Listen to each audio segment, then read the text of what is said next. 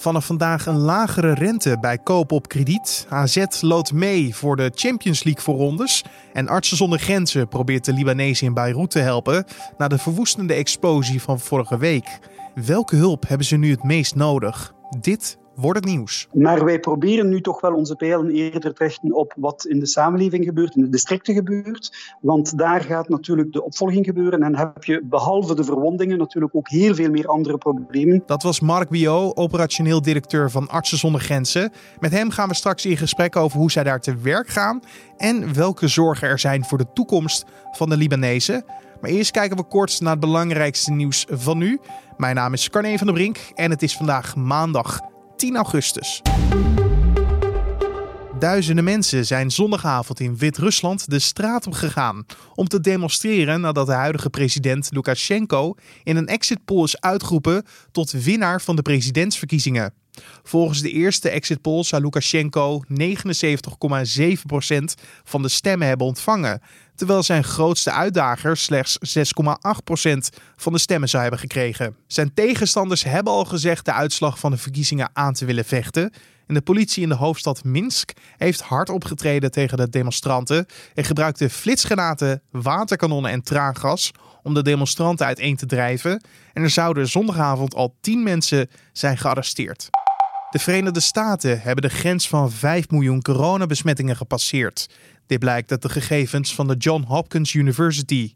De VS was al langer koploper in het aantal coronabesmettingen, boven Brazilië, India en Rusland. Daarnaast voert het land met ruim 160.000 sterfgevallen ook de lijst aan met het hoogste dodental. New York was in maart het epicentrum van de virusuitbraak in de VS, maar in de maanden daarna verspreidde het virus zich in hoog tempo door de rest van het land.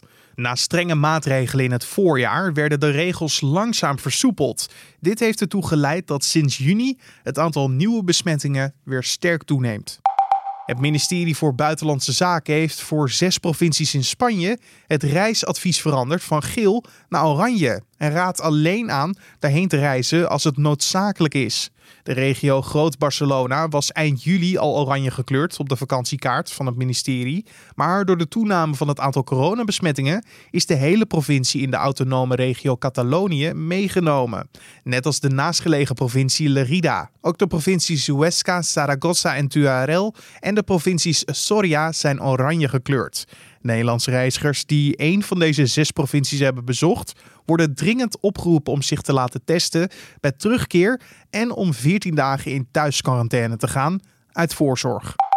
Mediatycoon Jimmy Lai en zes anderen zijn maandag opgepakt in Hongkong op verdenking van het overtreden van de nieuwe Chinese veiligheidswet. De 71-jarige Lai en de anderen worden verdacht van samenswering met andere landen. Naar verwachting zullen er vandaag nog een tiental personen worden opgepakt op dezelfde verdenkingen. Lai is oprichter van de krant Apple Daily, een prominent democratieactivist in Hongkong en kritisch op het Chinese bestuur in Peking. En dit is de meest prominente arrestatie sinds de invoering van de nieuwe veiligheidswet. De wet stelt China namelijk in staat om harder op te treden tegen oppositiepolitici en activisten. Sindsdien zijn al honderden arrestaties uitgevoerd. Het is bijna een week geleden dat er een ramp voltrok in de hoofdstad van Libanon. Een gigantische explosie in de haven van Beirut zorgde voor een ondenkbare hoeveelheid schade. Zeker 158 mensen kwamen hierbij om het leven en duizenden mensen raakten gewond. Een kwart miljoen Libanezen raakten dakloos en talloze bedrijven zijn verwoest door de schokgolf. Veel organisaties waren al snel ter plaatse om het land te helpen deze ramp onder controle te krijgen. Dan moet je denken op een medisch vlak, maar ook qua materiaal. Zo is Artsen zonder Grenzen ook daar druk bezig om mensen te helpen. Hoe hun werkzaamheden er momenteel uitzien, vroeg ik aan Mark Bio, operationeel directeur van Artsen zonder Grenzen. Dus, uh, wel kijk, uh, wij werden zoals u natuurlijk volledig onthutst uh, door de beelden die we zagen en we konden ons ogen niet geloven.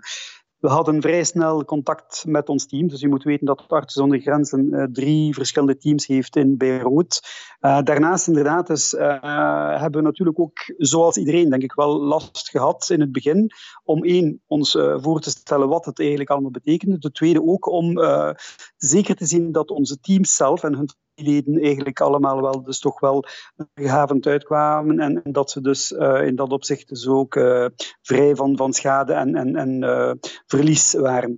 Ehm, vrij snel hebben we zijn we dan ook in actie getreden en hebben we, werken met kits. Hè. Dus we, hebben, we hadden dus heel gemakkelijk een, een 150 gewonden kit. Dat is een van die kits die we gebruiken in rampgebieden, oorlogsgebieden en zo verder. Hebben we die dus ook kunnen versturen naar één en twee hospitalen.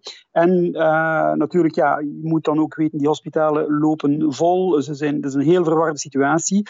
Uh, wij hebben dan beslist van eerder eventjes te wachten, want er was al heel veel volk dat inderdaad uh, daar naartoe stroomde. Mm En zodanig dat beter voorbereid Sanderendaags uh, na die eerste donaties dan ook uiteindelijk uh, assessments konden doen en dan ook uiteindelijk uh, konden zien wat, wat en waar Artsen zonder Grenzen het best kon op antwoorden. Ja, dus de eerste respons was het verschaffen van die eerste hulpkits. Maar jullie werden dus ook geconfronteerd met het feit dat de ziekenhuizen helemaal vol liepen. ja, wat, wat wordt daar nu aan gedaan? De, ja, dus die ziekenhuizen werden volledig overspoeld. Maar u moet ook weten dat uh, dankzij misschien de, de ongeluk, het ongelukkig verleden van, van het land, zijn ze natuurlijk wel ook vrij goed daarop gericht. En dus die hebben al hun teams opgetrommeld. Zelfs onze artsen, wij hebben ook een hospitaal in de BK-vallei, uh, in Barelias, uh, die, die zijn dus natuurlijk rechtstreeks naar daar gegaan om, om dus de, de teams te, te, te, te versterken. dat was eerder meer op, op persoonlijk vlak. Uh, want uh, inderdaad, in dat opzicht zijn wij niet zozeer uh, op ziekenhuisniveau met, met manschappen afgetreden, maar hebben we dus eerder meer dus materiaal kunnen geven in de eerste uren. Maar wij proberen nu toch wel onze pijlen eerder te richten op wat in de samenleving gebeurt, in de districten gebeurt. Want daar gaat natuurlijk de opvolging gebeuren en heb je behalve de verwondingen natuurlijk ook heel veel meer andere problemen. En ik denk aan enerzijds water en sanitatie. Je moet denken aan de hygiënekit die, moet, die kunnen gegeven worden aan de vrouwen, aan de kinderen die, die, die dus uh, pampers nodig hebben. Uh, je moet ook denken aan de mentale, psychologische zorg, die moet kunnen verstrekt worden. En je hebt heel veel mensen op, op chronische behandelingen, hè, dus zoals hypertensie, diabetes, astma, die plotseling natuurlijk heel verward zijn en ook waarschijnlijk misschien moeite hebben om hun, hun continue zorg te bekomen. En daar moeten we dus op attent zijn om, dit dus ook via die punten, medische punten, eh, vast of mobiel te kunnen, eh, eh, te kunnen verschaffen. Ja, op het moment dat wij dit opnemen weten we dat de ramp tenminste 158 mensen levens heeft gekost en 5000 mensen raakten gewond. Denkt u dat deze aantallen nog verder zullen oplopen en dan ook vooral de dodencijfers? Ja, uiteraard. Uh, dus wel, ik vermoed ook dat er nog wel een, een 150-tal mensen uh, Ehm, gezocht worden. Dus dat, dat is ook een, een, probleem. Dus die zijn waarschijnlijk al helaas uh, gestorven. Daarnaast zitten we dus natuurlijk met het feit dat een heleboel van die mensen, een deel van die mensen dan nog op behandeling zit in die hospitalen. wij hebben dan ook met de autoriteiten bekeken of dat die hospitalen, of dat die ja, hospitalen dan niet konden verlicht worden, om, en waarbij dat wij dus een deel van die patiënten zouden kunnen overbrengen naar ons hospitaal in de BK-vallei. Dat is momenteel nog niet zo gebeurd. Uh, de regering heeft nog, het ministerie, het ministerie van Gezondheid heeft as such nog niet uh, beslist of dit een goed idee was of niet. Dus wij staan daarvoor paraat. Vandaar dat wij ons nu eigenlijk eerder richten op wat in de verschillende districten, en we hebben drie districten uh, uitgekozen momenteel als, als core target. Mar Michael, Karantina en Burj Hamoud, waar dat wij dus zoals ik dus net zei, uh, psychologische ondersteuning, water uh, en hygiënekits en zo verder uh, verschaffen. Ja, want wat wij te horen krijgen van, van Libanon voor deze ramp was dat ze al zwaar onder druk stonden door een hele slechte economie en dat het coronavirus weer verder aan het oplopen was in het gebied. Wat krijgen jullie daarvan mee en de gevaren daarvan? Ja, dus inderdaad, het land gaat er al een hele tijd uh, achteruit. Hè. Dus een economische collapse. En je moet weten dat sinds, denk ik, oktober 2019 de, de Libanese pond voor, met 70% gedevalueerd is. Uh, een COVID-19-epidemie uh, die een, een hevige lockdown meebracht. En ik denk dat wij dat allemaal wel begrijpen wat dat betekent. Die is dan, de lockdown is dan opnieuw versoepeld, maar nu zien ze weer de COVID-cases uh, dus opnieuw stijgen. En wij verwachten in de komende twee, drie weken toch wel een, een serieuze opflakkering. Dus we staan heel paraat en we zijn dus des te meer bezorgd over het feit dat natuurlijk in zo chaotische omstandigheden de mensen uh, wel de, de nodige sociale afstand en ook de, natuurlijk de nodige beschermingen en, en maskers niet, niet hebben. Behalve dan natuurlijk die explosies die, als je moet weten ook, ik denk de haven van, van Beirut eh, brengt min of meer 80% van alle graan, soja en andere eh, voedselbenodigdheden voor dit land binnen in het land. Die staan volledig verwoest. Dus u gaat enorm grote problemen hebben voor de voedselbevoorrading van dit land. En daarnaast, ehm, wel logisch gezien, wat dus na zo'n ramp uh, zien we dus nu ook de burgerprotesten optreden. En we zijn enorm bezorgd, ook inderdaad, omwille van, van het feit dat wij vrezen dat dit niet uh, goed zal uh, verlopen.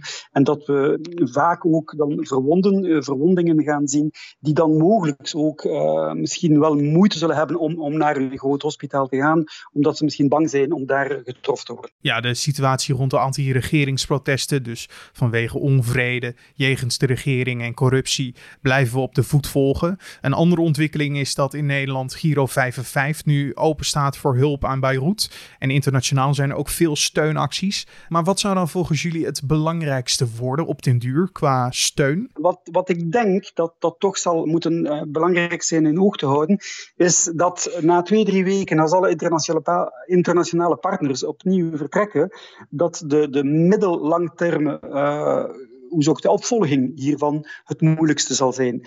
Dus ik denk, uh, ik hoorde net van, van, van onze partners ter plekke, dus dat, dat er zes of zeven veldhospitalen worden gestuurd en opgericht worden. Dat is fantastisch, dat is goed. Dat zal gedeeltelijk inderdaad de, de stress op het hospitaal en ziekenhuisinfrastructuur natuurlijk verminderen.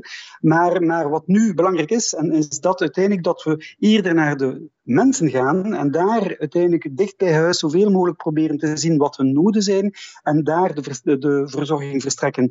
Dus het zou eerder meer zijn een, steun via de, de, lokale initiatieven en via de partners ter plaatse, uh, dicht bij de bevolking uiteindelijk uh, te geraken en, en daar inderdaad de, de, de zorgen te verlenen.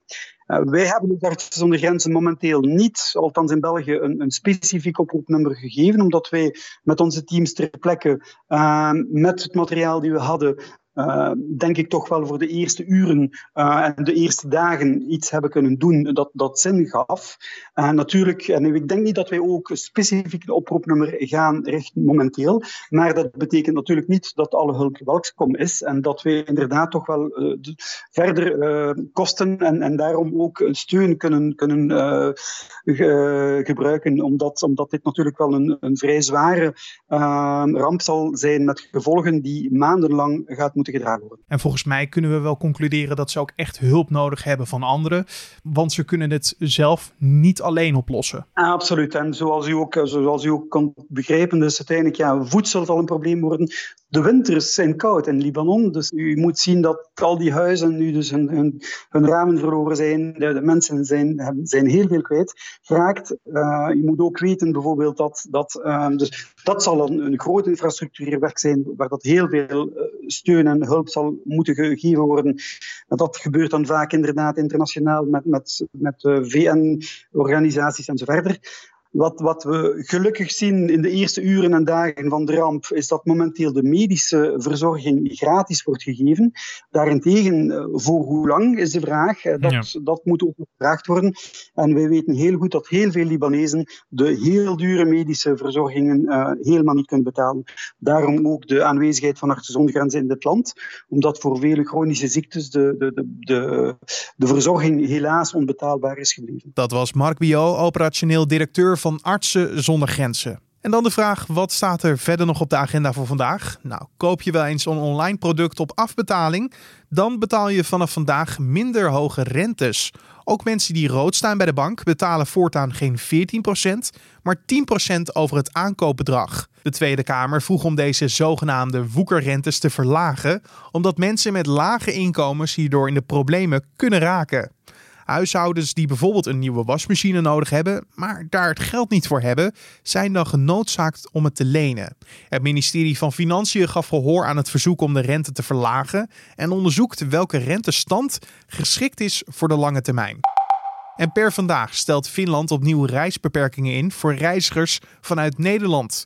Als Nederlander kom je het land alleen nog in als het gaat om een noodzaak. En dat moet je aantonen. Daarnaast geldt een thuisquarantaine van 14 dagen. De reden voor de aanscherping van Finland is het stijgende aantal coronabesmettingen in ons land. De beperkingen gelden ook voor reizigers in België en Andorra. De nieuwe maatregelen worden over twee weken weer geëvalueerd. Hoewel de huidige jaargang van de Champions League nog bezig is, wordt er vandaag gelood voor de tweede kwalificatieronde. Dat betekent een spannende dag voor AZ. Ajax heeft van de KVB de eerste plaats gekregen en AZ de tweede. De eerste plaats geeft directe toegang tot de Champions League en dus moeten de Alkmaarders nog een extra stap zetten. AZ heeft echter bezwaar aangetekend bij de UEFA over het besluit van de bond. Maar alle partijen hebben nog geen besluit te horen gekregen. Zoals het er nu uitziet mag Ajax dus rechtstreeks de poolfase van de Champions League in en moet AZ een voorronde spelen. En dan het weer. En het zal je misschien niet meer verbazen, want het wordt weer een tropische dag vandaag. Met extreme temperaturen van 35 graden of warmer in het zuiden en zuidoosten van het land. In de rest van het land wordt het tussen de 30 en 35 graden. En er zijn wat wolkenvelden, maar over het algemeen schijnt de zon. Landinwaarts ontstaan er later op de dag steeds meer stapelwolken, waar mogelijk een bui met onweer uit kan vallen. Morgen ook weer een eentonig beeld, want het wordt dan ook opnieuw weer een tropische dag met temperaturen tussen de 30 en 35 graden, met in de loop van de dag een enkele regen- of onweersbui.